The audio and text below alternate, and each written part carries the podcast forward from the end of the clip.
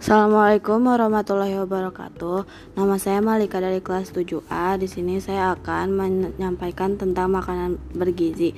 Makanan yang bergizi adalah makanan yang memiliki kandungan gizi seimbang dan zat-zat yang diperlukan tubuh oh, untuk proses tumbuh kembang. Menu makanan sehat harus kaya akan unsur zat gizi seperti karbohidrat, protein, mineral, vitamin, dan sedikit lemak tak jenuh atau lebih tepatnya dinamakan dengan na nama menu gizi seimbang. Ilmu yang mempelajari segala sesuatu tentang makanan dalam hubungannya de dengan kesehatan optimal atau tubuh disebut ilmu gizi atau nutrient science. Gizi adalah zat-zat yang tergandung yang terkandung dalam suatu jenis makanan tertentu. Apabila konsumsi gizi makanan seseorang tidak seimbang dengan dan kebutuhan tubuhnya akan terjadi kesalahan gizi atau malnutri mal, malnutrition. Malnutrisi ada ini mencakup kelebihan gizi disebut gizi lebih overnutrition dan kekurangan gizi atau gizi kurang undernutrition Adapun ciri-ciri makanan sehat dan bergizi adalah sebagai berikut: tidak banyak mengandung mengandung lemak-lemak hewani, rendah garam dan MSG, banyak mengandung sayuran atau serat, tidak mengandung bahan pengawet, menggunakan sedikit minyak goreng, menggunakan zat-zat gizi seperti karbohidrat, protein, vitamin, lemak, mineral, dan air. Zat-zat yang diperlukan oleh tubuh adalah karbohidrat. Karbohidrat dapat dibedakan menjadi glikogen, pati, dan molekul panjang berdasarkan gugus penyusun gulanya. Karbohidrat dibedakan menjadi monosakrida, disakra, disakarida, dan polas, polisakarida. Adapun fungsi karbohidrat adalah sebagai salah satu pembentuk energi yang paling murah karena pada umumnya sebagai sumber karbohidrat ini berasal dari beras, jagung, singkong dan merupakan bahan pokok. Lemak kedua, lemak.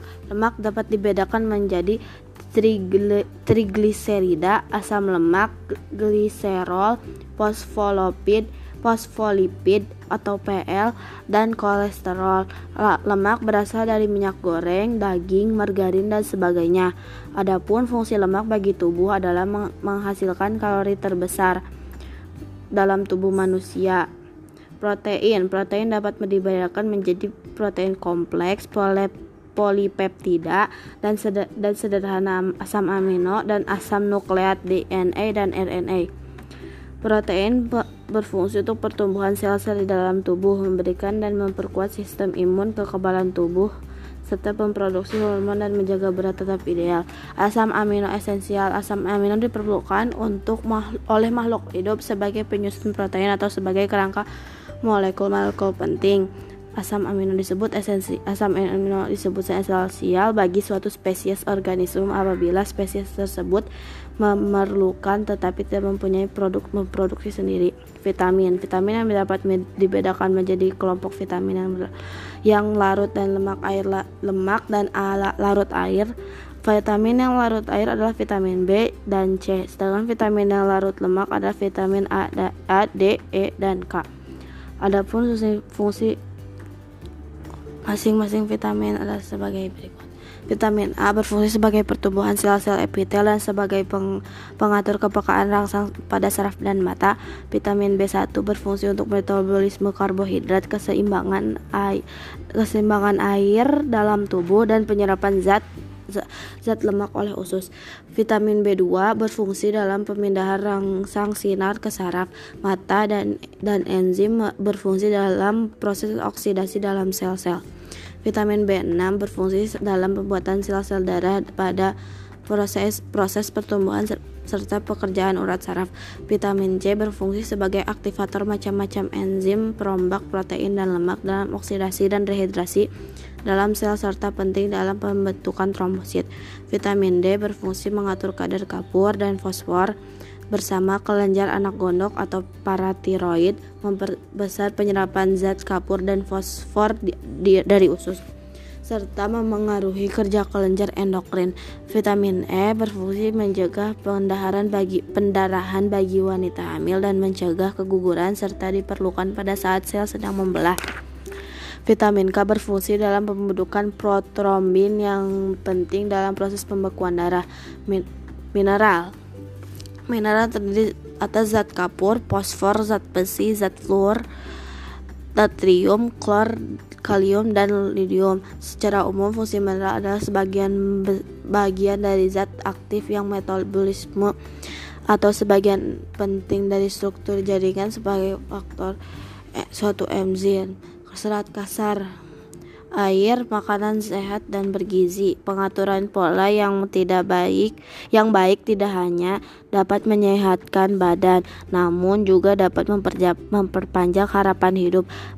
Berbagai penelitian menunjukkan bahwa dengan mengonsumsi makanan sehat dan bergizi dapat menurunkan resiko terjadinya penyakit jantung, kanker, diabetes, osteoporosis, bahkan Alzheimer dan dan Parkinson sebaliknya pola makan yang salah dapat mengakibatkan penyakit sehat dan bergizi dengan pola makan seimbang kita akan terbebas dari resiko penyakit Makanan sehat, makanan sebagai sumber energi dan zat pembangun tubuh merupakan elemen penting dalam tubuh tubuh manusia.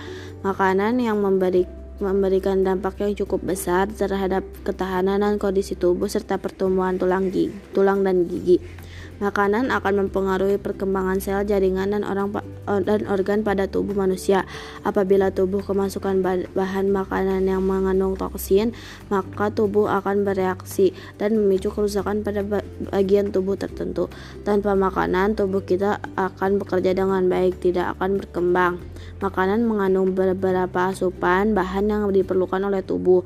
Akan tetapi, kesadaran terhadap pentingnya makanan yang sehat tampaknya tidak di, di, dihiraukan oleh masyarakat. Hal ini terjadi karena rendahnya kesadaran masyarakat.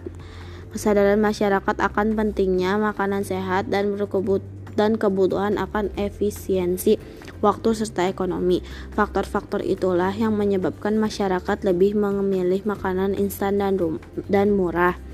Masyarakat tidak menyadari bahwa makanan instan dan makanan dan makanan yang mengandung bahan kimia seperti pemanis dan pengawet buatan yang beredar di masyarakat dapat menyebabkan tingkat kesehatan menurun serta memicu penyakit berbahaya dalam jangka panjang.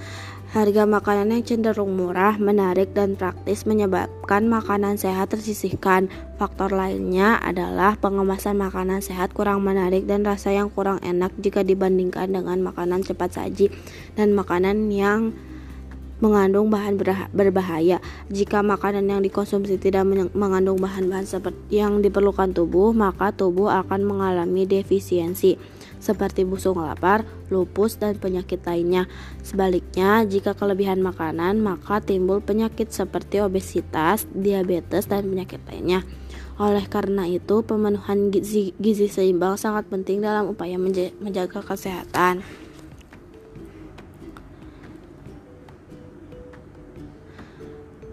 Makanan sehat dan bergizi, kita harus memakan makanan sehat dan bergizi seperti memakan sayur dan buah-buahan, menghindari makanan berlemak tinggi, mengonsumsi karbohidrat secukupnya.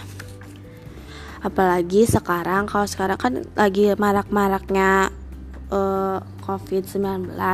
Nah, kita harus makan sehat dan bergizi seperti buah-buahan, sayuran. Pokoknya kita harus makan dengan gizi seimbang. Jadi di sini kita harus rajin olahraga juga.